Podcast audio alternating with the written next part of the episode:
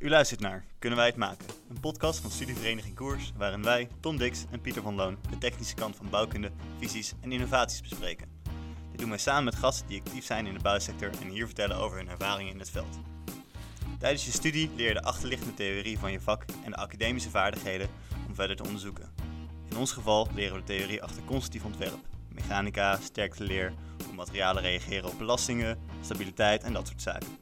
Maar studeren is nog veel meer dan je studie. Misschien ga je wel bij een studievereniging, doe je zelfs al een bestuursjaar en kom je erachter dat met mensen werken en managen echt je ding is. Onze gast van vandaag ontdekte tijdens haar studie dat interesses verder gingen dan het constateurschap en dat met mensen werken centraal moest staan in haar verdere carrière.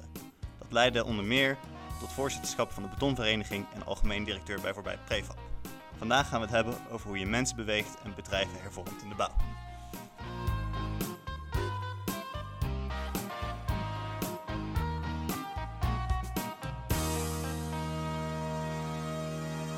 Ja, maar uh, voordat we dat gaan doen, uh, Pieter, dan gaan we even uiteraard, zoals jullie van ons gewend zijn inmiddels, uh, terugblikken op onze vorige aflevering. En vorige keer schoof digitaal Vaas Monen bij ons aan. Pieter, ik ben heel benieuwd. Wat heb je daaraan overgehouden? Het is sowieso altijd een genot om met Vaas te praten. Die man heeft duizend en één anekdotes en duizend en één interessante dingen gedaan. Um, ja, het is wel moeilijk. Ik vond het wel grappig dat je uiteindelijk de conclusie trok. Het, het, het rode draad van het verhaal is als je aan het eind van de dag uh, tevreden terug kan kijken op je project. Uh, bij voorkeur wat je zelf hebt gemaakt en uh, misschien nog kan reflecteren met een biertje erbij. Dan, dan heb je je werk mooi gedaan. En sowieso heeft hij veel te veel passie voor lekker hands-on. En ehm, ook al werkt hij al weet ik veel hoeveel jaar op universiteit. Hij blijft lekker ja, knutselen, zou ik het maar noemen. Hij blijft Mhm. lekker maken, lekker met zijn handen bezig zijn. Ja, heel leuk. Ja, ja absoluut. Uh, sluit ik me volledig bij aan. Het is uh, genot om naar die man te luisteren. Volgens mij zou hij zo een avondvullend programma uh, voorstelling kunnen geven over zijn leven. Zou makkelijk een boek kunnen schrijven. Het zou absoluut een bestseller worden. Ik zou hem zeker lezen. Um, en, en, en, het cliché van gooi er een muntje in, krijg je duizend verhalen. Opa vertelt alles waar. En ook die zelfspot die hij er soms bij heeft. Uh, en ook met zijn, hè, zijn, zijn levensmotto van Pippi Langkous. Als ik kan het niet, dus ik... Of nee, ik heb het nog nooit gedaan, dus ik kan het. Uh, geweldige man, uh, inspirerend. En volgens mij, uh, die man barst van de positiviteit en de motivatie en heel pragmatisch. Dus genot om naar te luisteren. Dus als je het nog niet hebt gedaan, absoluut doen. Maar blijf nog even hangen, want we hebben nu ook een heel interessante aflevering. Want, zoals Pieter net al introduceerde, hebben we ook vandaag weer een gast. En dat is in dit geval Dorien Staal. En als zoals eerder gezegd, uh, Dorien uh, studeerde constructief ontwerp aan de Technische Universiteit Eindhoven. Hier had zijn rol in het uh, koersbestuur, onze studievereniging. En in 1997 studeerde Dorien af en begon zij aan haar baan bij SIA als sales manager. In 2005 werd het tijd voor iets nieuws en werd ze managing consultant bij Ranger Consulting. En in 2009 besloot ze voor zichzelf te beginnen. Al werd haar tijd snel opgeslokt door BAM, die haar graag in dienst wilde nemen. Zo was Dorien vanaf 2009 tot 2015 in diverse HR- en verandermanagementfuncties actief. In 2016 stapte ze over om voor TBI te gaan werken. En hier kreeg ze de kans om aan de slag te gaan als direct, algemeen directeur bij Voorbij Prefab. Een toonaangevend en innovatieve producent van duurzame prefab betonproducten in een geautomatiseerde en gerobotiseerde fabriek in Amsterdam. In 2019 is Dorien gevraagd voorzitter te worden van de betonvereniging. Deze functie bekleedt ze nu naast het directeurschap van Voorbij Prefab. Dorien zet zich graag in voor de maatschappij en daarom is ze, rolmo rolmodel van VHTO, expertisecentrum voor meisjes uh, en vrouwen in de beta-sector. Het grote doel is meer vrouwen in de bouw en techniek. Dat is nogal een uh, aardige biografie. Ja.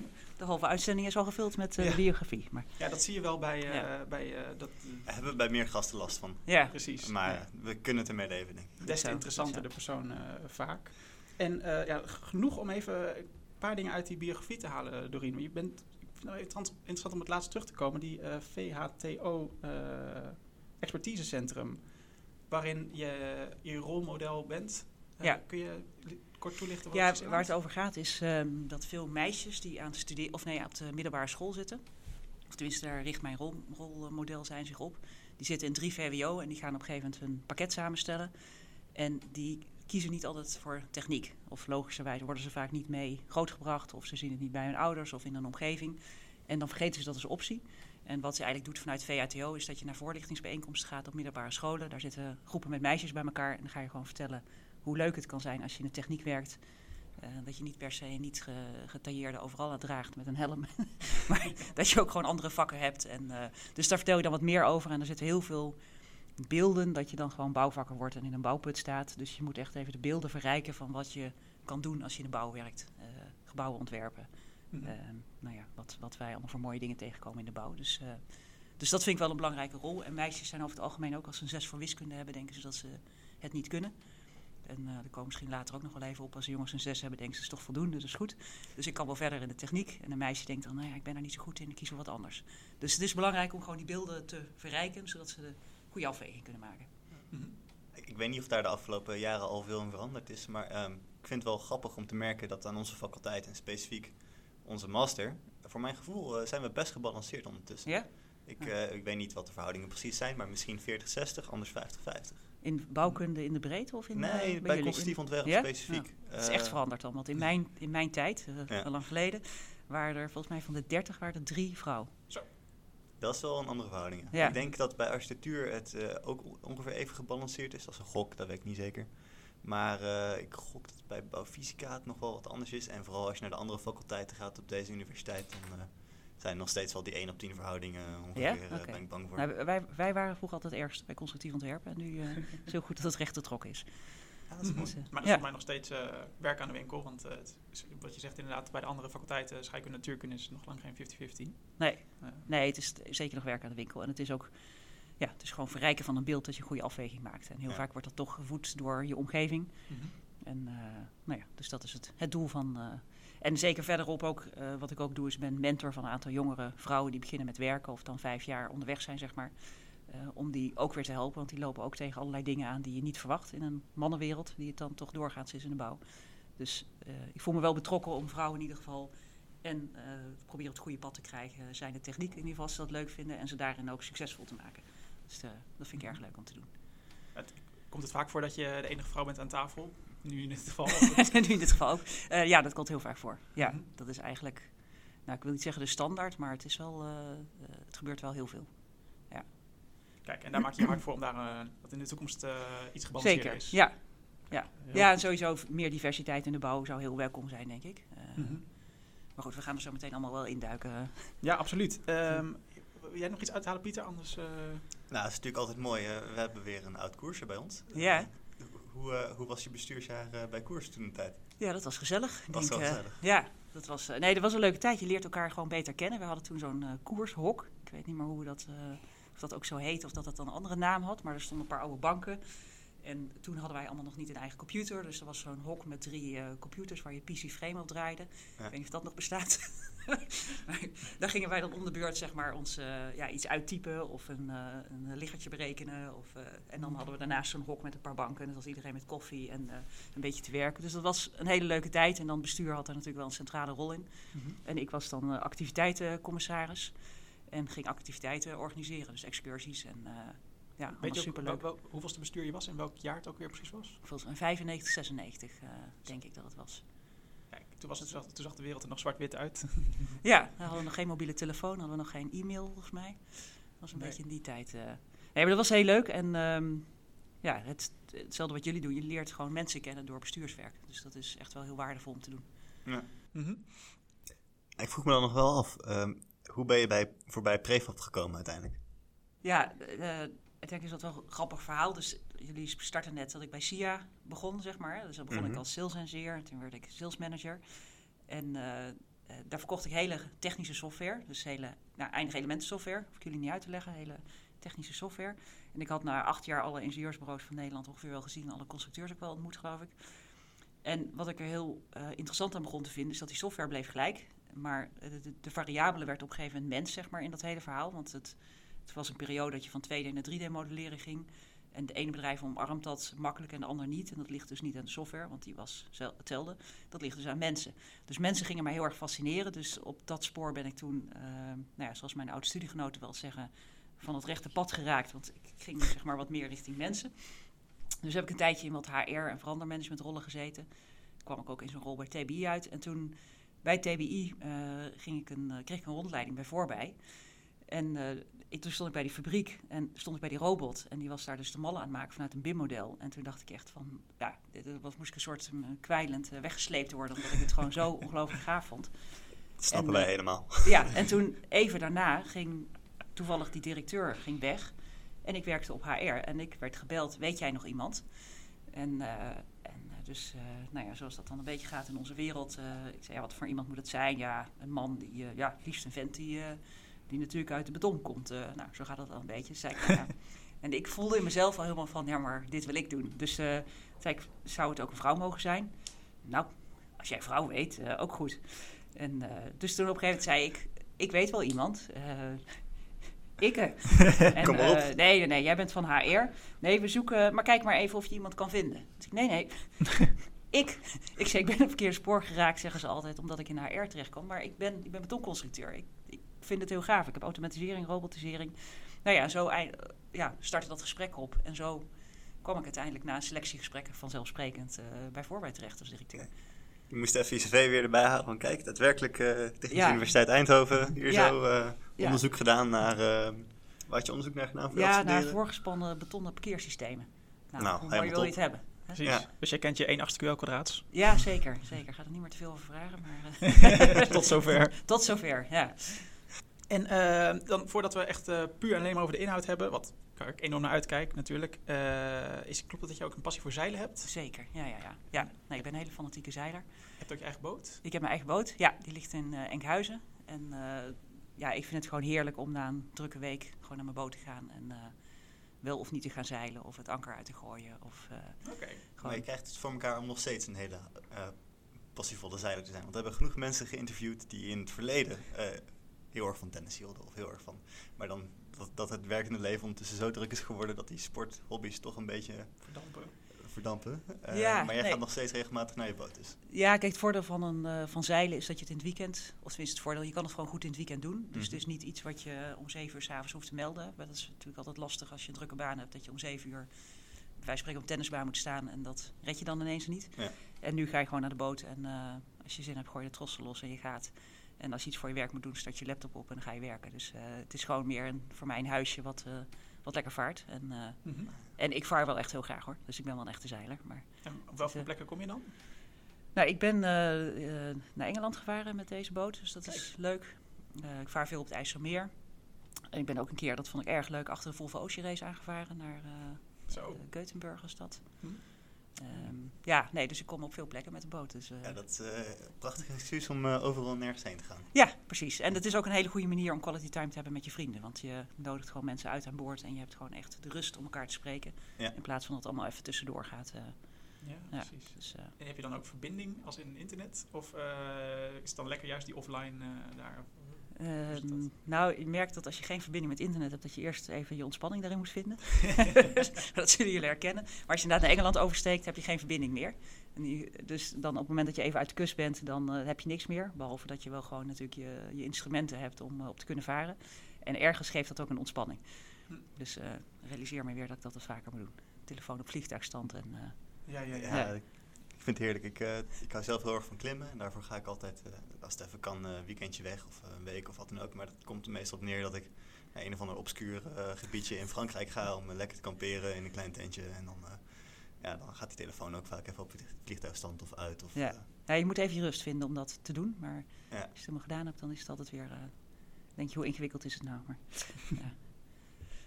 Maar eh, het lijkt me leuk om eh, ondertussen rustig een transitie te maken Ja. naar, eh, naar waarvoor je hebben uitgenodigd. Om over van alles en nog wat te praten omtrent eh verandering in de bouw. Ehm, en zoals je misschien wel weet, we hebben altijd een vragenvuur om, om een beetje op gang te komen. Dus Ja. je krijgt zo meteen een vijftal stellingen. waar je wel dan niet serieus antwoord op mag geven. Ehm, bij voorkeur lekker snel en dan kunnen we achteraf Ja. nog wel kijken of er iets te nuanceren valt of wat er nodig is. Eh, vraag nummer uno. Wat is leuker? Een bestuursfunctie bij Koers of bij de betonvereniging? Ja, dat is natuurlijk al gelijk weer zo'n rottige vraag aan het beginnen. dus, omdat Ja, ik bij jullie zit vandaag, zeg ik, eh, zeg ik bij koers. Maar dan zal ik zo vertellen dat de betonvereniging hartstikke leuk is. Ja. Ehm, volgende stelling. Eh, veranderingen aanbrengen in een bedrijf gaan vaak gepaard met veranderingen in het personeel. Is dat waar of niet waar? Eh, ja, dat is waar. En ehm, De stelling waar of niet waar, ik heb last van betonschaamte. Ja, dat is waar. Duidelijk, komen we zeker nog even op terug. Ehm, de verschillende bouwmaterialenbranches zouden meer mogen samenwerken aan één duurzame bouw. Dat is ook waar. Interessant. En eh, een beetje een flauwe, beton of staal? Ja, dat is wel heel makkelijk. Maar met mijn achternaam is dat misschien toch wel weer ingewikkeld. Maar nee, beton. Beton, oké, mooi. Staal gaat voor beton. Ja, dat is altijd, eh moest Ja, er wat, is, in, wat is beton zonder staal, hè, kun je ook zeggen. Ja, precies. Dat zei eh, Theo ook al zo mooi. Prachtig. Dan uh, het lijkt me wel zeker interessant om even terug te gaan. Ehm, ja, dan, ehm, je bent natuurlijk ook nu bestuurslid eh, bij eh, de betonvereniging. Eerst bij Koers. Ja. Ik ben wel benieuwd eigenlijk, zie je parallellen en hoe verschilt het? En hoe bevalt de bestuursfunctie nu bij de betonvereniging? Wat doe je precies? Nou ja, ik zie heel veel parallellen, want het leuke van bestuursfuncties vind ik dat je mensen ontmoet. En mensen ontmoet die vaak ook nog ergens een mening over hebben en ook wel een nek ergens voor uitsteken. Anders gaan ze vaak niet in het bestuur zitten. En het leuke vind ik van, nou, bij koers vond ik dat je trekt met elkaar op. Iedereen leert om een bepaalde rol in te vullen. Dus je wordt, eh, in dit geval werd ik activiteitencommissaris. Dan ga je een bedrijf bellen, wat je allemaal heel spannend vindt. En je gaat iets organiseren. En nou ja, dat leerde allemaal. En nu ben je iets verder in je loopbaan en vind je het niet, misschien niet meer per se spannend om een bedrijf te bellen. Maar komen er weer andere gelegenheden. Eh, iets eh, op de betondag gaan zeggen. Waar je dan een bepaalde uitspraak doet die heel veel stof doet opwaaien. Dus je leert elke keer weer nieuwe dingen als je in een bestuur zit, vind ik. Je ontmoet interessante mensen. En ehm, ja, dus ik vind het heel waardevol. eh, allebei de gevallen. Oké. En je hebt ook nog genoeg plezier bij de betonvereniging, behalve dat alleen waardevolle Nee, ik heb, eh, ja, nee, absoluut hebben we heel veel plezier. Het is een hele leuk club. Jullie hebben Henk uh, Wappon vorige keer, eh, Mhm. twee weken geleden, vier weken geleden in de uitzending gehad. Ehm, ja, er gebeuren gewoon heel veel gave dingen in de betonvereniging, maar ook met name denk ik in het betonlandschap op het moment. Eh, in het hele klimaatvraagstuk wat er speelt, het betonakkoord en de doorvertaling daarvan, ja, daar heeft de betonvereniging ook weer een hele belangrijke rol in. Dus ja, dat is super interessant. En doordat je in zo'n bestuur zit, word je gedwongen om, er, eh, om je erin te verdiepen. En dan blijf je ook een beetje aan de voorkant van de innovatie Ja. natuurlijk. En eh, hou je hem altijd een beetje... Ja, en je spreekt ook de mensen die, eh, hè, dus bijvoorbeeld eh, Theo uh, Saletti, die al een keer in de uitzending gehad, die zat ook in het bestuur. Dus via het bestuur ontmoet ik Theo. Theo ehm, gaf mij een heel belangrijk inzicht, wat wij ook weer heeft geholpen in eh, de ontwikkeling van verduurzaming van beton. Dus het brengt je ergens als je interessante mensen ontmoet. Gewoon de hele tijd een beetje netwerken, nieuwe ideeën opdoen, Ja. lekker uitwisselen. Ja, en wel netwerken met een functie. Want ik vind ehm, netwerken is waardevol op het moment dat je oprechte relaties zeg maar, aangaat. Ehm, dus ik vind netwerken geen likejes eh, uitdelen op LinkedIn, maar wel gewoon echt social zijn. Hè? Mensen zeggen wel eens, ja, ik heb wat gepost. Nou, hartstikke goed. Maar volgens mij gaat het erover dat mensen ergens op reageren. En Ja. dat je met elkaar in gesprek raakt. En dat je je werkelijk in elkaar verdiept. En dan is volgens mij netwerken heel waardevol. Mhm. En dan leer je nieuwe dingen. En dan kom je verder. En dat vind ik heel leuk. Heel goed, heel goed. Ehm, jij introduceerde een woord wat nogal wat eh, stof heeft doen opwaaien volgens mij. Ja, Je noemde op de beton, eh, het betondag het woord betonschaamte. klopt. Ja. Dat heeft nog wat stof doen opwaaien. Zeker, ja. Dus dat had ik misschien ook niet zo beseft, maar ik heb er ook geen spijt van. Ehm, de uitzending Tegenlicht was, eh, Ja. volgens mij op die zondag voor de betondag. Oh. En die ging allemaal over hout. En eh, het was allemaal zo fantastisch. En, Eh, Louter beton- positief. ja, en beton was echt verschrikkelijk en zo vervuilend. En, en ik had natuurlijk daarvoor ook best wel veel gesprekken al gehad met opdrachtgevers. maar architect als Thomas Rauw, die jullie misschien ook wel kennen. Die zich echt uitspreekt over, ja, je moet geen beton inzetten, want beton is heel slecht. En eh, nou, dan zat ik nog in zo'n zaaltje en dan zaten daar, eh, wij spreken honderd mensen. En dan eh, stak ik nog mijn vinger op en zei ik, meneer Rauw, waarom heeft u zo'n hekel aan beton? Ja, dat is zo vervuilend en daar moet je echt vanaf. En, en dat hoorde ik ook bij architecten, dat hoorde ik bij opdrachtgevers. Dus ik dacht wel, we hebben wel een probleem met elkaar op te lossen. Dus net vroegen jullie, heb je nog last van betonschaamte?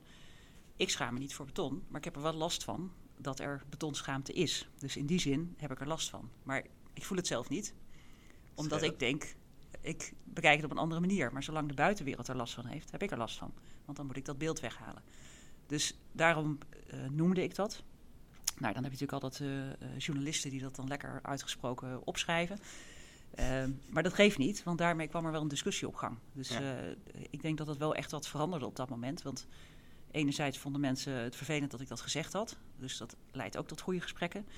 Eh, en dat stond ineens op de agenda. Dus ik, ik had er geen spijt van, maar ik was wel verrast eh, van jee, eh, het staat wel ineens heel erg boven op de koopbouw eh, geschreven. Ja, dat is, Ja. dat hebben we nu al eh, een keer eerder mogen conc- concluderen. Dat een eh, onbedoelde mening eh, veel teweeg kan brengen. Eh Martijn van Leeuwen ook last van eh, toen hij een tijd geleden ehm, samen met ehm, Pablo van der Lucht een artikel had geschreven over dat eh, eh, het biogeen koolstof in, eh, in hout niet meegerekend wordt met MPG-scores. En ondertussen is er een, een petitie getekend door Ja. eh, hoeveel bedrijven? Ja, ruim honderd of zo? 200 volgens mij, 200, ja. ja.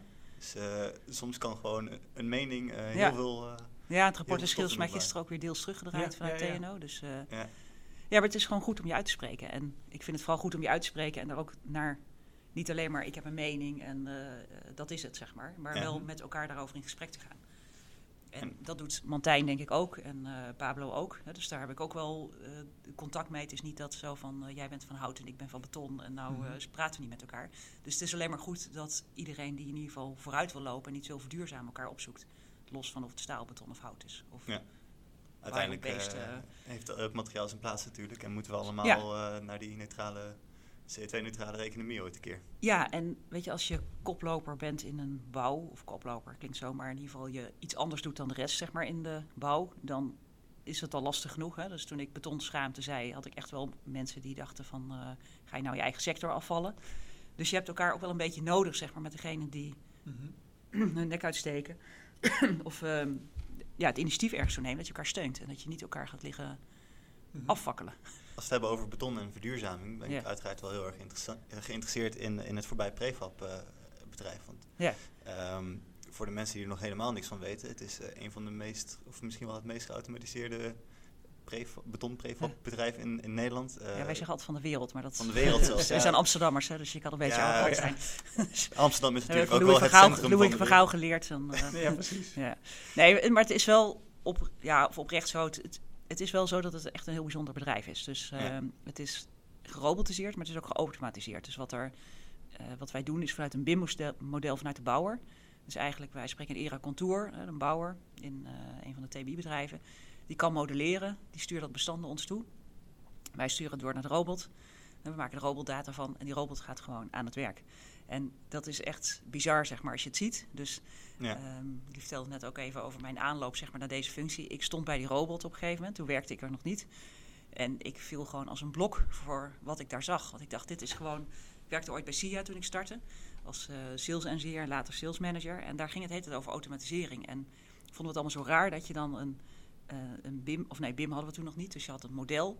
En dat stuurde je dan op naar een wapeningscentrale. En die ging het dan overtekenen. En dan ging je het overtekenen en dan stuurden ze het terug. En zeiden ze, en hebben we het goed overgetekend? Oh nee, er is nog een wijziging. Nou, dat ging dan zo zes keer op en neer. Zes keer stempelen, want wie is er nou verantwoordelijk? Oh. Ja, en dat gaat nog steeds wel eens zo op plekken. Mhm, Maar mhm. nu pakken wij gewoon dat bestand op. En dat trekken wij naar binnen. Wij nemen de verantwoordelijkheid over. Wij verrijken het met eh nou ja, ijsvoorzieningen en wapening, alles wat erin moet. En dan maken we er data van en dat gaat de robot in. En het feit dat het echt zeg maar van what you BIM is what you get. eh, Ja. Vanuit een BIM-bestand gewoon de robot ingaat. Mhm. Dat is ja, zoiets speciaals om te zien. En je bent eh, wat dat betreft eh, een heel, heel, heel stuk dichter bij Theo's visie van de Industrie 4.0 dan, dan vele van je Ja, eh conculega's, om het zo maar te zeggen. Ja, nee, het is ook, eh, want op een gegeven moment werden wij ook gevraagd om bij eh, Autodesk in San Francisco eh, Mhm. iets te gaan vertellen erover. Toen dacht ik, nou, moet ik naar San Francisco om iets te vertellen over een betonfabriekje in Amsterdam?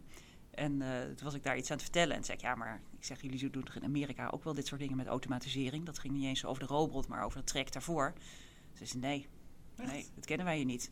Ja, we hebben groepen met Chinese studenten. En dan voel ik mezelf een beetje gegeneerd. Van, ik zei, nou ja, dit hebben jullie toch, toch ook wel in China? Nee, nee, we hebben nog nooit gezien. Dus, eh, dus wij lopen echt wel in Nederland gewoon lekker eh, vooruit. eh, ja. Fascinerend, Ja. fascinerend. En Ja. dit hele geautomatiseerde verhaal, eh, hoe sluit zich dat dan weer nog verder aan aan de verduurzaming? Is het juist ook hierdoor dat je betere duurzaamheidsslagen kan maken? Of is dat, dat, Mm. is dat een losse, losse Nee, dat is denk ik meer, heeft dat te maken met de conditionering in de fabriek die we kunnen creëren. Maar het hangt wel allemaal met elkaar samen. Dus kijk, als je tijd hebt, dan wordt beton sowieso veel duurzamer. Want dan kun je het in plaats van na acht uur, kun je het naar 24 uur ontkisten.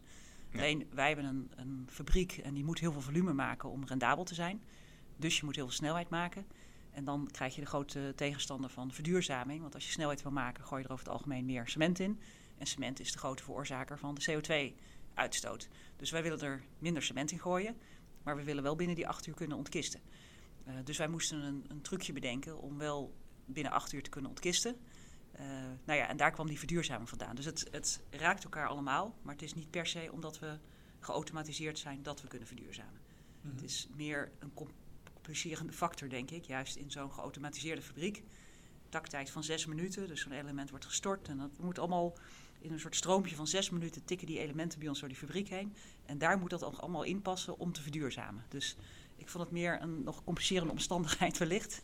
Uh, maar, sorry, in, in, zes minuten zit je van bekisting naar element? Of? Nee, in zes minuten bouwen we een mal op.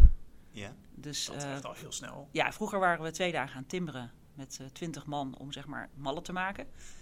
En nu pakken we gewoon het BIM-bestand en dat wordt data gemaakt. En die data gaat naar die robot en die robot begint die mal te maken. En die zijn zes minuten klaar. Dus als je het hebt over, um, zoals Theo het zo mooi uitlegde, met vroeger maakten we maatwerk en toen werd het een uh, industrieproduct en toen werd het standaard. En nu volgende fase dat je maatwerkproduct geïndustrialiseerd maakt en ook nog uh, in ons geval zwaar geautomatiseerd. Dat is eigenlijk wat je bij ons ziet. Dus elk element is uniek en elk element wordt elke zes minuten wordt er een nieuw element bij ons opgebouwd. Dus het is nu, uh, wij spreken half elf in de ochtend, dan hebben wij al, zijn we met de derde woning bezig voor vandaag. Dat is wel een lekker tempo. Dat is een lekker tempo. Ja, dus we hebben een kwart voor zes begonnen vanmorgen. Mm -hmm. En dan werken we vanavond tot kwart over elf door. En dan hebben wij acht woningen gemaakt. Ja, vijf dagen in de week, zaterdag als het moet. Ja. ja. En, uh, dus is echt file to factory, uh, zoals je zei. Ja. En, um, en allemaal maatwerk. Hè? Dus ook zeg maar, het beeld van prefab is allemaal saai en ja. allemaal hetzelfde. En dat is niet zo, want elke mal is bij ons uniek. We bouwen hem op door de robot. Duurt zes minuten. En dan hebben we nog wel wat handelingen uh, om te verrijken. Nou, dan acht uur later gaat hij de kist uit. Wordt die tafel weer schoongemaakt. Mal ook allemaal gerobotiseerd. En die schuift weer naar die nieuwe positie. Die robot bouwt die mal weer op. En dan gaat hij weer een rondje draaien door de fabriek. Dus uh, het is echt fascinerend om te zien. Jij zei net uh, die combinatie tussen van we zijn heel erg gerobotiseerd en we zijn heel erg op duurzaamheid bezig. Dat zijn eigenlijk twee trajecten. Of nou ja, beton maakt niet zo uit. Maar je, laatst heb van je geleerd dat de wapening daar kun je wel enorme optimalisatieslagen mee maken met die. Ja, daar hebben we inderdaad wel heel erg kunnen optimaliseren door. Dat is, uh, dat is een goede, door automatisering. En dat komt omdat als je een wapeningsnet maakt door mens, ja, dan is dat best wel lastig als je dan zegt uh, die diameter om de zoveel en dan een andere diameter. Met allemaal verschillende hart-op-hart maten. En dat is echt gewoon niet te doen als mens. Dat kost heel veel tijd. Ja, ja, die robot die maakt natuurlijk allemaal niks uit. En daar natuurlijk ook allemaal routines voor geschreven. Dus die robot zoekt hem helemaal een optimum. Um, en daarbij zijn we 40% teruggegaan in wapening. Okay. uh, omdat die robot, ja, die maakt het allemaal niet zoveel uit om een heel dun dat diametertje en een andere hart op hart afstand. Mm -hmm. En dat zijn helemaal geautomatiseerde, een soort standaard recepten ontwikkeld met de constructeur. En uh, ja, die standaard recepten die zijn ja, gelinkt zeg maar, aan de robot, wat de robot kan. Nou ja, de constructeur bepaalt nog altijd wel zeg maar, het wapeningsrecept uiteindelijk. En dan gaat de robot, ja, die, ja, die kan het helemaal fluitend aan. Die maakt elke drie minuten een wapeningsnet. En ja, 40% reductie, dat is wel. Door echt, inwapening, ja. ja. Dat is echt gigantisch. Dat is echt ja. gigantisch, ja. Dus dat heeft, ook heel veel impact op je CO2. Ja. En je kosten misschien wel. En je kosten, ja, absoluut. Zeker nu is het staal weer uh, duur, dus ja. dan uh, hoe minder staal, hoe beter. Hey, en uh, de auto, of het, verduurzamen van beton, het is meer de fabriek die toelaat. Of tenminste, beton is natuurlijk geen beton, maar dat weten jullie. bij ons is maatgevend dat het binnen acht uur uit de kist moet kunnen. Um, het moet bepaalde verwerkbaarheid hebben. Dat, uh, er moeten nog in een actie daarna spouwankers in kunnen. Mm. Um, dus het, nou ja, dat heeft gewoon met, met bepaalde verwerkbaarheid te maken. Die je moet kunnen halen. Uh, en dat zijn eigenlijk je criteria. En wij kunnen de verblijfruimte, waar het beton tussen 8 uur verblijft, kunnen wij opstoken. Wat je natuurlijk buiten niet kan. Dus die stoken wij tot 30 graden op. En met die omstandigheden hebben wij ons beton ontworpen nu. Waardoor je het eigenlijk op 30 graden gaat het gewoon als een... Uh, een stroomversnelling gaat het, uh, gaat het naar die 15 MPa nodig die we, die we hebben. Mm -hmm. en, en dat kunnen we allemaal monitoren. En dat volgen we allemaal weer met data natuurlijk. Ja. Dus daar helpt data weer wel bij. Mm -hmm. um, maar betontechnologen hebben het, hebben het verduurzaamd. Niet, uh, niet uh, mensen die in automatisering gespecialiseerd zijn. Ja. ja. Maar omdat jullie alles zo goed kunnen garanderen, kan je dus van de ja, het topje van, van, de kennis en het topje van ja. de van alles gebruik maken. Nee, wij zijn echt uh, heel erg bezig met uh, waar zit nog een minuut te winnen, zeg maar. Want elke ja. minuut uh, kun je 120 keer doen bij ons, omdat wij 120 elementen op een dag maken. dus bij ons draait alles om data. Dus we zijn ook altijd al die data aan het analyseren. In welke volgorde maak je dingen? Ehm, gaat het sneller als je een bouwmuur maakt en dan een gevelelement en dan een topje en dan weer een bouwmuur en een gevel? Of kun je beter tien gevelelementen achter elkaar maken? Dus wij zijn continu aan het nadenken over volgordelijkheid van dingen. Ehm, Mhm. ja, eh, kunnen dingen meer gestandardiseerd worden, ja of nee? Dus het, bij ons draait alles over. eh, ja, ze zeggen wel eens bij ons van. eh, het verwijt krijgen we wel eens zijn een beetje lui. Maar wij zien dat niet echt als lui. wij zien dat als eh, slim. Mhm. Ehm, om zo min, met min mogelijk muisklikjes, zeg maar, eh, tot iets te komen. En die jongens in de lijn met zo min mogelijk meters. Ja. Eh, dus die optimaliseren ook hun eigen werkplek. Gewoon om Hm. slimmer te kunnen werken. Super efficiënt. En volgens mij inderdaad met de, de, de, de snelheid van de, de ver- verandering, de optimalisatie bij jullie, dat echt, eh, echt geen partij voor de, als ik de andere verhalen. Dus ik weet niet. Van jullie hoor ik in ieder geval hele goede verhalen. Dat Ja. hoor je eigenlijk bijna net nergens anders. En wat je zelf zegt, ook eh, wereldwijd eigenlijk, eh, zijn jullie misschien echt wel nou, cutting edge bezig. Ja. En is, jullie gaan zo hard wat dat betreft. Zitten, zijn jullie nu dan op een punt denk ik van, oké, al deze innovaties gaan we nu verder uitkristalliseren? Of zitten er nog andere dingen in de koker waar je echt nog slagen willen gaan maken? Ehm, ja, het gaat bij ons altijd een beetje organisch. Dus ik heb niet zoiets van eh, een hele verre stip op de horizon of zo van over hoe het vijf jaar zou moeten zijn. Ehm, maar we moeten het wel nog verder verduurzamen. Dus we zijn er nog niet. Hè. We willen naar eh, CO2-neutraal. Mhm. Ehm, we weten allemaal, wij vinden een oplossing waarbij we heel veel hoogoverslag in zetten. We weten allemaal dat dat ergens op gaat raken. Ja. Dus daar moeten we zeker nog een innovatie in doen. We denken wel eens, moeten we nog een innovatie doen op, dat, op die wapening? Best wel weer lastig, want we hebben miljoenen geïnvesteerd in een robot. En dan komt eh, ABT, waar we veel mee samenwerken, die eh, komt om bij wijze van spreken met gekke ideeën. kunnen we niet met bamboe wapenen of zo? Hè? Dan komt- er een van een gek idee en dan denk je, ja, maar die robot die heeft een paar miljoen Ja, gekost. precies. dus je zit altijd wel in een afweging tussen investeringen die je gedaan hebt en Mhm. daar het rendement uit halen plus verduurzamen. Ja. Ehm, dus veranderingen die, die je doet zijn over het algemeen natuurlijk best impactvol ook qua investeringen. Dus maar we hebben deze zomer een eh, isolatierobot neergezet. Dus dat is ook wel weer een. Wil ik inderdaad nog over vragen, want je had het over de gevelelementen. En eh, nou, we, hebben het nu de hele tijd over, over het beton. ja. Maar een gevelelement is natuurlijk eh, meestal een beton binnenblad en dan isolatie en dan kies je, kies je afwerking aan de buitenkant, zeg maar. Ja. Eh, in, in hoeverre maken jullie het allemaal? Ehm, wij maken. Je kan kiezen of je kiest een inderdaad gewoon betonnen blad. Of je kiest een betonnen blad met isolatie. Of je kiest een hele ander gevelelement, maar dan werken wij samen met een andere partij. Dus ik geloof er niet in dat je het allemaal per se zelf moet maken om het eh, te kunnen leveren. Ehm, dus er is een fabriek in eh, Nederland die hele mooie, ook gerobotiseerde gevelelementen maakt. Dus we zeggen, wil je het met steenstrips hebben, werken wij heel graag met hen samen. Wil je het met isolatie hebben, dan maken wij het. Wil je alleen maar een betonnen blad, maken wij het ook. Dus wij kijken gewoon naar de vraag van de klant en proberen het ook weer middels die automatisering en robotisering bij andere bedrijven om het gewoon, ja, maakt het Ja. uit waar het vandaan komt, eh, als het maar in elkaar klikt, zeg maar. Eh, proberen we ook samen te werken. Ook omdat je niet in alles wil investeren als er al fabrieken staan. Dus waarom zou Ja. je niet een andere fabriek meer rendabel maken eerst, voordat je weer een nieuw... Dus qua in-huis eh, expertise zitten jullie tot en met de, de gevelisolatie. Ja. En ehm, voor dan verdere afwerking hebben jullie dan goede samenwerkingscontacten met andere bedrijven die daar dan Ja. weer... Klopt. Dus ja, daar- en daar geloof ik ook echt Ja. heel erg in. Dus je kan wel bij jullie het complete pakketje bestellen, alleen dan moeten jullie misschien een keer samenwerken met iemand om het complete pakketje Ja, af je te bestelt het niet eens bij eh, ons, maar wij zeggen gewoon, we werken samen met hun en wij regelen het wel verder voor je. Dus eh, Ja. het bestelbonnetje gaat gewoon naar die fabriek toe. Maar eh, nee, dus ik geloof heel erg in dat samenwerken, want ehm, het is ook heel vaak van, ja, dan moet je allemaal zelf doen. Ja, waarom? Er staat gewoon een fabriek die heel goed werkt en je hebt automatisering. En wat maakt het nou uit of dat bestandje naar Amsterdam wordt gestuurd of naar een andere plek in Nederland? Eh, dat maakt natuurlijk helemaal niks uit als het maar geregeld is. Als het Lego-blokje maar op elkaar past, zeg maar. Ja. Dus daar, ja, ik vind die investering in fabrieken, ik weet gewoon hoeveel het kost, zeg maar, qua inspanning om rendement te halen. Mhm. Dus ik ben best terughoudend, zeg maar, om elke keer hele grote investeringen te doen. Oké. Even terug naar dat eh, het- het CO2-arm beton. En want daar, dat is die één innovatie waar je eh, trots op mag zijn volgens mij. Een goed voorbeeld ook voor de rest. Eh, mooi voorbeeld volgens mij ook waar het betonakkoord op doelt. Ehm, en daar heb je een mooie column over geschreven. Je schrijft natuurlijk een column in eh, vakblad Cement. Ja. Eh, en daar heb je, daarna heb je volgens mij ook nog een... Ik weet niet of daarop volgend, maar in ieder geval, ik las ook een column dat je eh, een beetje teleurgesteld was volgens mij in je collega's. Die ook gewoon vroegen van, hé hey Doreen, mooi dat jij een mooi recept hebt gevonden. Mogen wij hem ook? Kun je hem sturen? En dan eigenlijk zelf geen bijdrage leveren. Ja, teleurgesteld. Kijk, een, een titel voor een column, ik heb het geleerd van de journalisten, moet je altijd een beetje prikkelend maken. Dus eh, die was, heet... je, was je niet teleurgesteld dan? Nou, ik vind het soms een beetje te plat of zo om te denken, inderdaad, eh, eh, stuur het even op, zeg maar. Ja. Dus teleurgesteld vind ik een beetje een groot woord. Maar ik, daar doe ik gewoon niet aan. Want, eh, eh, dus ik wil heel graag kennis delen. En dat heb ik echt van, van Theo Selet geleerd ook. Dus ik was hier op een gegeven moment, ik vroeg aan Theo over die printer. Ik zei, hoe doe je dat nou met al die data? Ga je dat nou delen? Of vraag je daar eerst iets voor terug? En zei Theo, oh, nou, als ik daar eerst iets voor terugvraag, dan, eh, dan, kom, dan kom ik misschien wel nooit op dat punt. Ik deel onvoorwaardelijk en ik zie wel, Mhm. ik hoop dat ik er heel veel voor terugkrijg. Dus toen dacht ik, ja, dat is, vind ik wel heel verstandig. Dus toen heb ik ook bedacht, ik deel onvoorwaardelijk wat wij doen. Maar ik ga in dat gesprek wel het commitment vragen om ook te delen. Dus als mensen heel eenzijdig zeggen met een mailtje...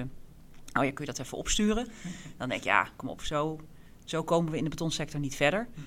Dus dan wil ik heel graag eh, een gesprek hebben over wat is jouw innovatieagenda. En op het moment dat jij ergens in verdiept, weet ik veel, alternatieve wapening, waar ik weer van kan leren, wil je dat dan ook met mij delen. Mhm. Dus alleen al dat commitment, dat hoeft niet in een contract te staan, of dat, dat vraag ik allemaal niet, maar wel laten we in ieder geval de intentie hebben om elkaar verder te helpen. Dus, eh, dus teleurstelling is een groot woord, maar het is wel een prikkel om te zeggen, ja, het is wel een beetje te makkelijk om eh, met een mailtje dat te vragen. Mhm. En Ehm, heb je dan overzicht in andermans innovatieagenda? Ja, van een aantal inmiddels nu wel. En eh, met een aantal partijen ben ik ook in gesprek om te kijken of we gezamenlijke innovatie op kunnen zetten. Ehm, want als je bijvoorbeeld kijkt naar hoogoverslakken, dat, dat gaat gewoon een keer opraken. Of Ja. in ieder geval is er niet voldoende beschikbaar. Ehm, onze innovatie zit heel erg aan de kant van hoogoverslakken. Nou, daar kun je ook best wel wat commentaar op hebben. Van eh, ja, is dat nou echt verduurzamen? Want eh, Mhm. je trekt iets weg wat al schaars is. Ja. Dus ik ja, zeker. Maar volgens mij is het een soort uh, scrummend proces. Dus dit doen we. Maar laten we dan ook met elkaar zoeken naar een alternatief voor hoogoverslakken weer. Dus, maar in je eentje doen is dat wel heel veel gevraagd. Ehm, ik heb ook al een aantal keer contact hier gehad met jullie eh, universiteit. Om gewoon gezamenlijk te kijken om Mhm. zo'n onderzoek verder te brengen. Ehm, dus ja, ik heb wel inderdaad met meer bedrijven naar aanleiding van al deze ontwikkelingen inzicht in hun Er agenda. zijn zeker dingen gaande. Er zijn zeker dingen gaande. Ja, Interessant, hoopvol ook weer. Want Ja. eh, wat- het COT-armbeton is natuurlijk prachtig. Eh, mooie, eh, mooie, cel- mooie zet inderdaad. Wat je ook zei, het is niet... We hebben twee doelstellingen, hè, 2000 2030, 2050. ja, En dus eigenlijk zegt één zegt gereduceerd eh, CO2-uitstoot en 50 zegt neutraal. ja. Gewoon geen ja dat is best, best Stevig. ambitieus. Ja.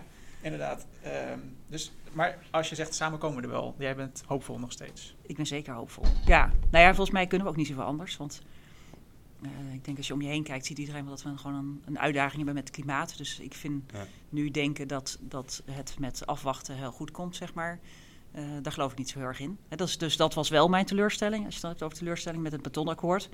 Dat ik wel wat arrogantie zag in de sector. Van, nou, ik ga een beetje achterover zitten en ik hoor wel even wat er allemaal gedaan wordt. Toen dacht ik, ja, hallo, hallo. Ik bedoel, wij zijn toch van het betonakkoord. En het is niet zo dat Mhm. Jacqueline Kramer nu alle innovaties gaat doen, zeg maar. Dus, Dat hij de hele roadmap al heeft uitgetekend. Nee, maar dat is dan een eh, beetje het makkelijke van... eh, Ja. En dan gaat iedereen elkaar wat in lopen vestigen. Yo, ik hoor ook niks. Nee, ja, ik hoor ook niks. Nee, wij moeten iets laten horen. Hè. Wij zijn de 82 bedrijven die hebben ondertekend. Dus wij moeten iets innoveren. En als wij dat dan ook gaan delen, dan komen wij met z'n allen een stukje verder. Mhm. En dat is volgens mij wel wat er nu aan het veranderen is, dat dat gebeurt. En, eh, en daar heeft de betonvereniging en het betonhuis hebben daar ook weer een belangrijke rol in. Oké. En eh, jij eh, zegt net, zei net ook al volgens mij in het voorgesprek eh, het belang van netwerken eigenlijk. Hè? Wat we nu ook zeggen van je anderen benaderen, samen sta je sterker, kom je verder. Ehm, hoe, ja, hoe doe je dat? Want het is niet gebruikelijk in de bouw volgens mij om samen te werken. Want iedereen is volgens mij een beetje ik, ik, ik, eh, mijn belang. ik wil winst maken. Hoe, weet je, volgens mij weet je ook al in het verleden, nou, gek aangekeken of zo. Of, maar ehm, dat weet ik niet. Nee. Nee, ik weet niet of ik gek word aangekeken. Ik denk dat ik wel misschien dingen anders doe. Of ik hoor Mhm. dat toevallig van gisteren iemand ook van. Maar ik heb het zelf natuurlijk niet zo door. Eh, en ik trek me er ook niet zo heel veel van aan. Of misschien is dat wel een beetje hetzelfde. Ehm, dus, maar ja, het samen doen. Ik denk de bouw is wel gewend om dingen samen te doen. Alleen dat is nog wat anders dan dat je de kennis helemaal deelt. Dus wij zijn natuurlijk wel gewend om als bouwbedrijf met elkaar op te trekken om een heel groot project te realiseren. Ja. Dus iedereen is wel een soort gewend van, oh ja, oh dat doen we meer met eh A, B, C eh, samen. Oh ja, die combinatie, prima. Maar dat is nog wat anders dan dat je agenda helemaal opendeelt. Dus, mhm. eh, en zeker je kennis Ja. eh, deelt. En volgens mij zit daar zeg maar een beetje de, de overgang tussen het een en het ander. Mhm. Ehm, en ik geloof wel heel erg in netwerken. En zeker als je netwerkt, niet alleen maar eh, om ja, mensen een beetje te liken op LinkedIn, zeg maar. Of een uitnodiging te sturen zonder toelichting op LinkedIn. vind ik als een voorbeeld van een, een slechte start, zeg maar. Mhm. Ik denk, voeg daar nou even iets persoonlijks aan toe. Hè? Maak het van waarde. En op het moment dat je dat gaat doen, dan ga je namelijk ook laten zien dat je geïnteresseerd bent in de ander. En dan wordt zo'n netwerk volgens mij van waarde. Mhm. En dan ga je elkaar wat gunnen en dan ga je elkaar helpen en dan ontstaat er wat. En het hele netwerkproces, ehm, is dat voor jou iets wat, eh, wat natuurlijk gaat? Of heb je ergens een, eh, een speakbriefje met, eh, oh, ik, ik ken deze mensen van deze bedrijven, daar heb ik het toen daarover gehad. Oh, die vond ik wel, ja, daar heb ik toen een laatste kopje koffie mee gedronken. Daar, was, daar kwamen goede ideeën uit. Of zit het allemaal toch wel per ongeluk ongeveer in je hoofd van, hé, hey, ik heb goede samen, samenwerking met ABT, met weet ik veel, wie wat nog meer. Ehm, het is een beetje een combinatie van die dingen. Dus er zit wel veel inderdaad in mijn hoofd. Ehm, maar mm, dat klinkt dan misschien een beetje vaag, ook wel in mijn hart, zeg maar. Omdat je inderdaad wel relaties opbouwt met mensen. Nou, samenwerking met ABT is daar misschien wel een leuk voorbeeld van. Ehm, technisch directeur van ABT is ook een oud eh, koersbestuurslid. Dus zat ik samen in het bestuur, dus die ken ik goed. ABT komt op mijn pad eh, in het eh, verduurzamen van beton. Dan voelt dat toch comfortabeler. Eh, zoek ik ook Rudy Royakkers in dit geval even op, heb ik daar een gesprek mee. En dan voelt dat wel vertrouwd om een samenwerking aan te gaan. Omdat je al wel weet van, ik weet uit wat voor een hout Rudy gesneden is. Dus dan is dat positief, dus ik weet dat ik daarop terug kan vallen. Dus dan Ja. helpt een netwerk wel. Ja, wat dat En- betreft hoop ik eigenlijk ook over, weet ik veel, 20, 30, maakt niet uit, een aantal jaar ergens te werken en dan een keer te denken, die, eh, die Tom hè, dat was goede gast. Ja, ja, Ik moet ja. maar eens even een belletje geven. Want, eh, nog?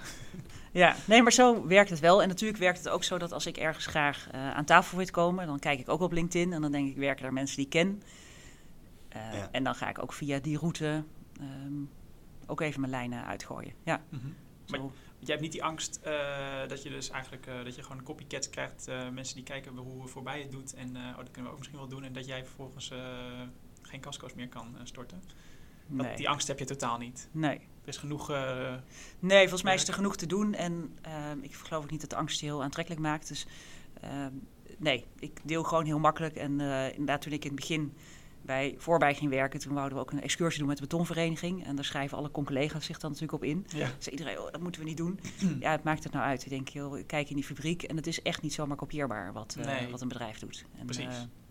Eh, kost ook nog wel een paar miljoen aan investeringen om even een paar robots neer te zetten. Ja, dat en die automatisering laat zich natuurlijk ook niet helemaal lezen als je een rondleiding doet. En Ja. ja. ja, ik vind het ook allemaal niet zo heel spannend. Volgens mij is er een heel groot woningtekort, dus moeten we heel veel woningen bouwen. Ja. Dus alsnog eh, de drie bedrijven even efficiënt woningen eruit pompen, zijn er nog steeds Prima, genoeg. eh, ja. ja. Nee, dus ook Van Wijnen zet een nieuwe woningfabriek neer. Daar heb ik ook gewoon contact mee. Nee, dus daar Ja. doen we ook niet zo heel eh, spannend over. Oké. En, eh en Plechtvos? Vos, ja, die komen toevallig ook weer binnenkort even bij ons in de fabriek kijken. Ja. Oh, wat grappig. Ja. Toevallig. Want ja. eh, Maar dat is ook weer via mijn netwerk, omdat ik dan de directeur van Ja. Plecht ken. Omdat ik daar bij BAM mee samen heb gewerkt en contact hou. Dus dat ontstaat ook zo. En bij Van Wijnen werkt weer toevallig iemand die bij ons heeft gewerkt. Dus dat zijn allemaal netwerkjes die ja, elkaar ja, vinden. ja. Je hebt elkaar echt nodig volgens mij. inderdaad. Ja. Ehm, gaaf. En in hoeverre lijken die op elkaar? Of wijken die echt ontzettend van elkaar af? De, die van Van Wijnen? Ja, voor mij, ik ben natuurlijk, hij is nog niet klaar, dus ik ben Nee. nog niet geweest, maar die zijn veel completer. Dus wij leveren alleen eh, de betonnen en, en sinds kort ook de isolatie. En zij leveren veel meer een woning. Mhm. En Plecht eh, levert volgens mij niet het casco, maar levert weer alles wat daar omheen zit. Dus ehm, ja, dus is ook al niet precies hetzelfde. Oké, maar het is wel grappig. Die zijn gewoon echt eh, gewoon een goede relatie. Ja hoor, ja. Absoluut. Nee hoor, volgens mij heeft met niemand, als je werkt, weet niet een slechte relatie. Nee, ik vind dat dan inderdaad, kom gewoon bij elkaar kijken en deel. Hetzelfde, nou ja, ik vond dat Theo heeft me daar wel heel erg in geïnspireerd met hoe Mhm. hij dat hier doet met zijn 3D-betonprinter. Oké. Ja. En wat jullie jullie zeggen nu eigenlijk van, het moet echt eh, heel erg draaien. Volume is heel belangrijk. eh, massa is kassa volgens mij. eh. Ja. en eh, wat je zegt, gewoon bijna de klok rond, vijf dagen in de week. Eh, Dan klinkt bijna alsof van, eh, dan klinkt bijna als de, de, de, de capaciteit is de beperkende factor. Dus ga je een fabriek nog uitbreiden of een tweede vestiging? Zit dat in de planning of is dat, komt dat ter Mm. sprake? Ja, en toch is die fabriek nog steeds niet op zijn max. Dus, eh, dus eh, dat is het grappige zeg maar, in de bouw. Dus jij, wij moeten die fabriek heel erg overboeken om hem, eh, om, hem, zeg maar, op zijn, om, om die acht woningen per dag te maken. Moeten wij misschien wel zes maanden voor tijd er twaalf ingeboekt hebben. En dan is het altijd een beetje bidden met wat er wel en niet verschuift, zeg maar. Mhm. Dus eh, eerst het begin begin je te bidden dat, dat er iets verschuift. En net voor tijd, dan hoop je dat er niet meer te veel verschuift. Maar bijvoorbeeld vorig jaar in het tweede kwartaal, en een beetje toen corona net goed en wel op gang was, toen belden er denk ik binnen een week mensen van drie, vier verschillende projecten dat die in één keer gaan verschuiven. Mhm. Omdat dan, weet ik veel, stukken bij een gemeente nog niet goed zijn gekeurd of er gebeurt wat anders. En dan trek je zo'n fabriek in één keer leeg en je kan niet ander werk erin plannen. Dus wij maken denk ik zo 80% van wat we zouden kunnen maken. Dus we hebben nog heel erg een uitdaging om dat proces veel meer te optimaliseren. Dat zit overigens in de hele bouwketen natuurlijk uh, als uitdaging. Ja. dus ik heb niet zozeer de ambitie om nog per se nog een fabriek erbij te zetten. Ik wil eerst deze fabriek helemaal op zijn max uh, uitnutten. Ja. ja. Dat, dus wat dat betreft is de voorspelbaarheid van uh, jullie klanten nog een van de limiterende factoren momenteel. Ja, en, en eerst toen ik er kwam, toen dacht ik van, ah, we moeten onze klanten beter opvoeden. Dus we gaan, uh, we gaan uitleggen hoe ze moeten plannen. Nou, dat was uh, een beetje onnozel bedacht, want zo werkt dat niet. Het is zo'n complexe keten dat het niet gaat. Mm -hmm. En nu hebben wij algoritmes ontwikkeld, waarbij we proberen om in de onvoorspelbaarheid, voorspelbaarheid te creëren op basis van data van de afgelopen ja. jaren. Dus we hebben data van drie jaar lang van alle projecten. Mm -hmm. En dan proberen we vanuit die data een analyse te maken van zes maanden voor tijd moet je zoveel overboeken, drie maanden voor tijd moet je nog zoveel Mhm. overboekt hebben. Om maar een soort voorspelbaarheid in de onvoorspelbaarheid te vinden. Dus Ja. nou, dat is dan ook weer de, natuurlijk het leuke van data hebben. Eh, zo zijn we dan ook weer met data bezig. Wat dat betreft, eh, al een keer overwogen om een uitstapje te maken naar een eh, vliegtuigmaatschappij? Nou ja, daar kun je dat perfect van leren. Want daar hebben we inderdaad ook naar gekeken. Kun je dan dynamic pricing gaan doen. Ja. Dus kun je dan ook gaan zeggen, op het moment dat ik inderdaad eh, over of onderboekt ben, ga ik een soort last minute eh, andere prijzen doen. Mhm. ehm, om nog zeg maar die, die gaten te gaan Ja. vullen. En ik heb ook wel eens gezegd van zouden wij niet kunnen zeggen eh, boek gewoon een plek in mijn fabriek, de vliegtuigstoel. Dat is je woning, die boek je voor een jaar lang. Hm. Jij krijgt bij mij 15% korting. Het is jouw verantwoordelijkheid om elke dag die plek te vullen. Als je hem niet vult, betaal je hem ook. Ja, precies. Dat maar wel, dat durft nog niemand aan. dat is wel interessant. Ja. Dat is wel een enorme winst, zou je er eventueel kunnen, uit kunnen slaan. Als je, maar dan moet je je project echt heel goed beheersen. Ja, maar dan leg je eigenlijk de verantwoordelijkheid dus op een andere plek. Wat wij nu wel doen is eh, eh, korting geven op het moment dat mensen goed plannen. Dus op het moment dat iemand zich aan de planning houdt, krijgt hij korting bij ons. Maar nog een stap verder zou zijn, eh, Boek deze plek. boek deze plek. En Ja. hij is voor jou gereserveerd. Je betaalt hem altijd. En bij jou ligt dus de verantwoordelijkheid Mhm. om, je dus, om dus een soort bouwstroom te plannen. Ja. Maar het kan allemaal door, door, doordat we al die data hebben. Dus dat is wel echt weer het leuke van data in een, eh, Ja. in een betonfabriek zoals wij die hebben. Zo vet. Dit is toch wel het laatste waar wij als constructeurstudenten aan denken. Volgens mij aan planning van wanneer eh, ga je produceren. Eh, maar het komt allemaal bij kijken inderdaad. Super interessant. Heb je dan ook veel data-analysten in dienst dus? Gok ik zo? Of, eh, Nee, nee, werkt nee. nee, we hebben een, eh, wel iemand die inderdaad eh, robotica heeft gestudeerd en heel veel met data heeft.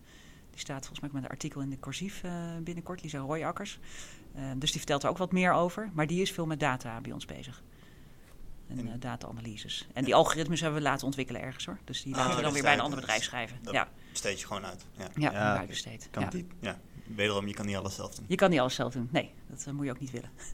Dus, eh, nee, wij hebben maar eh 40, vaste men 40 mensen in vaste dienst bij ons. Hè. Dus we zijn een heel klein bedrijf en hebben nog een flexschil van 40 man. Ja. Maar dus we zijn best wel een kleine...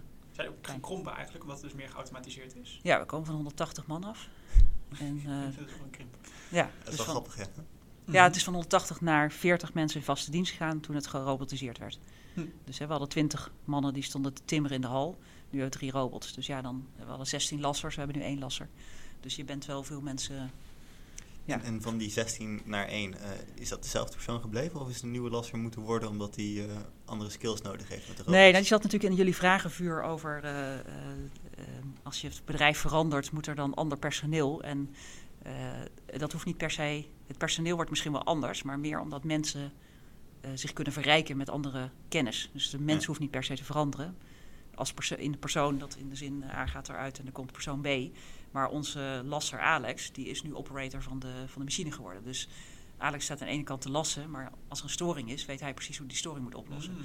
Ja. Dus, dus hij heeft er gewoon een rol bij gekregen die hij ook hartstikke leuk vindt. En hij is nu ook eh, ja, bezig met dat soort eh, eh, storingen, zeg maar, eh, te verhelpen.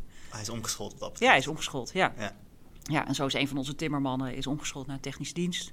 En zo hebben we allemaal mensen die vanuit het oude fabriek, zeg maar, een nieuwe rol hebben gekregen in de nieuwe fabriek. Het is natuurlijk ook nog steeds wel ontzettend handig om die, eh, die kennis van zaken over hoe zo'n wand daadwerkelijk maken. Ja. Al wordt er nu door een robot gegaan. Het is natuurlijk ontzettend fijn als jouw personeel weet hoe dat precies werkt. Ja, ja, en er staan nog wel een paar mensen bij ons in de lijnen. Dus het is niet Ja. alleen maar robots. Dus degene die bij ons bijvoorbeeld beton stort.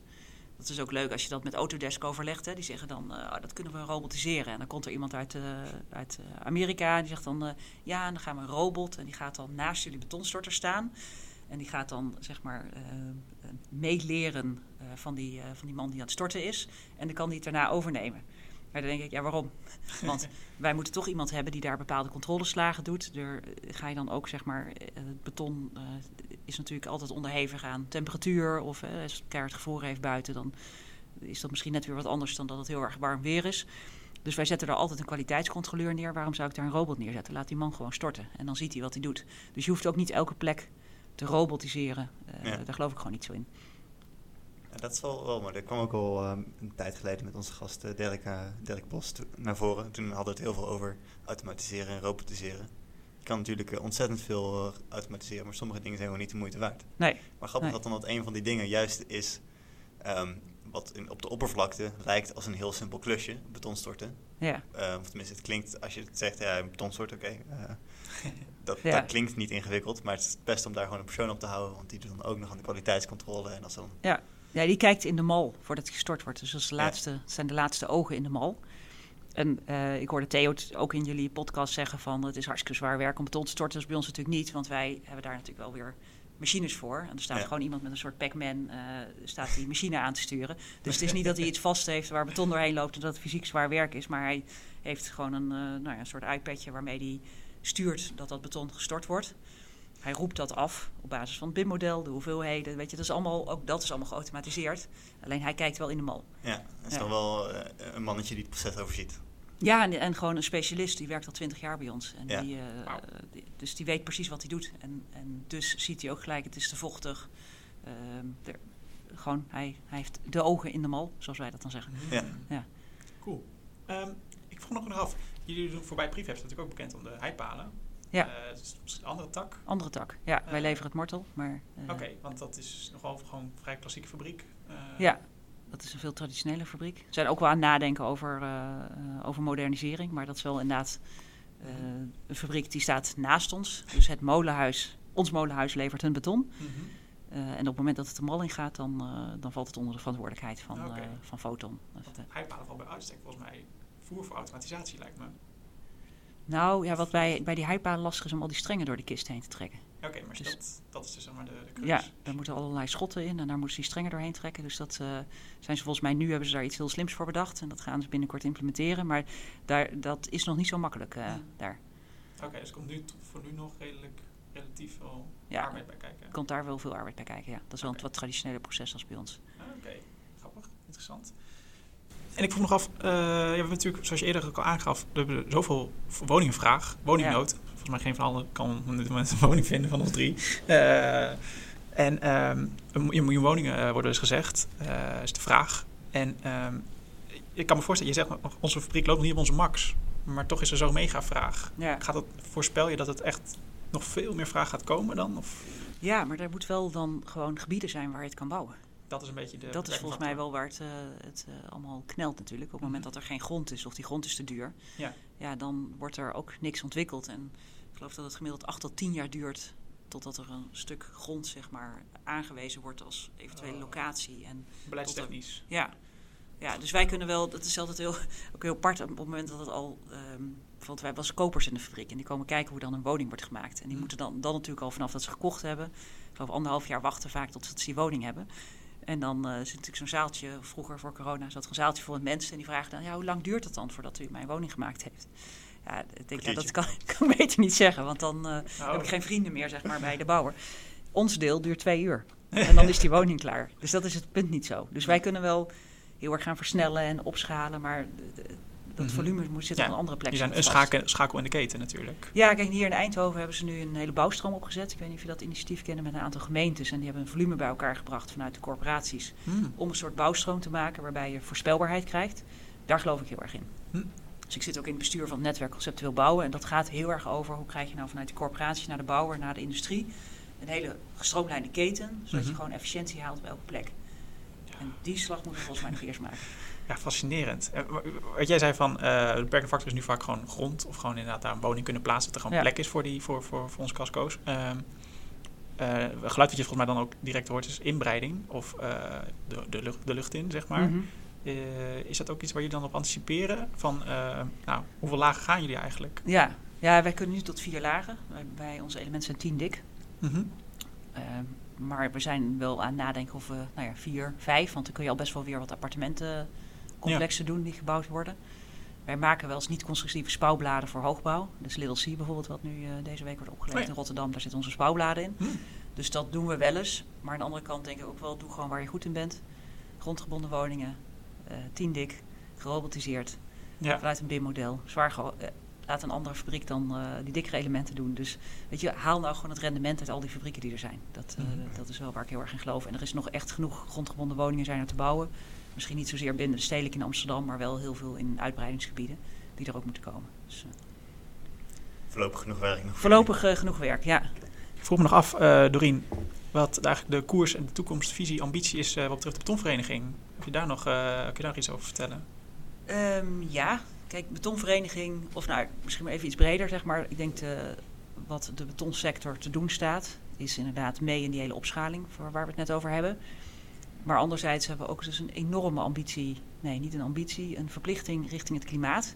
Niet alleen de betonsector, ook de staalsector, ook de houtsector. Iedereen en alles op de Mhm. wereld. Ehm, wij richten op onze cirkel van invloed, dat is beton. Dus de betonsector heeft ook een hele grote uitdaging daarin. Ehm, en als betonvereniging staan we ervoor om kennis te ontsluiten naar de markt.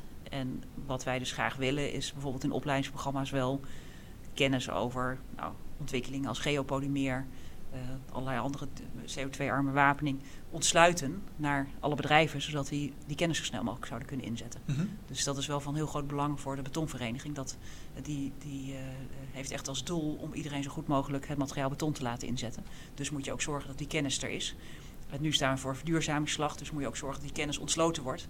Want als jij een kleiner betonfabriek bent en je hebt misschien net wel of net geen betontechnoloog in dienst, ja, hoe ga je dan verduurzamen? Dus laat alsjeblieft die kennis bij grotere bedrijven gedeeld worden richting kleinere bedrijven, zodat die ook mee kunnen in, eh, in de versnelling Hm. die nodig is. Oké, dus als ik eh, vers ben afgestudeerd hier, ik ben klaar, ik heb mijn papiertje op zak, dan kan ik door naar mijn volgende leertraject. En dat is bij de betonvereniging, waar- ik dus een opleiding eh, duurzaam beton Ja. Absoluut. kan Ja. volgen. Ja. Die is al live of die... Nee, die is er al in juni starten weer een hele reeks. Dat is na nascholing betontechnoloog, maar daar zitten Mhm.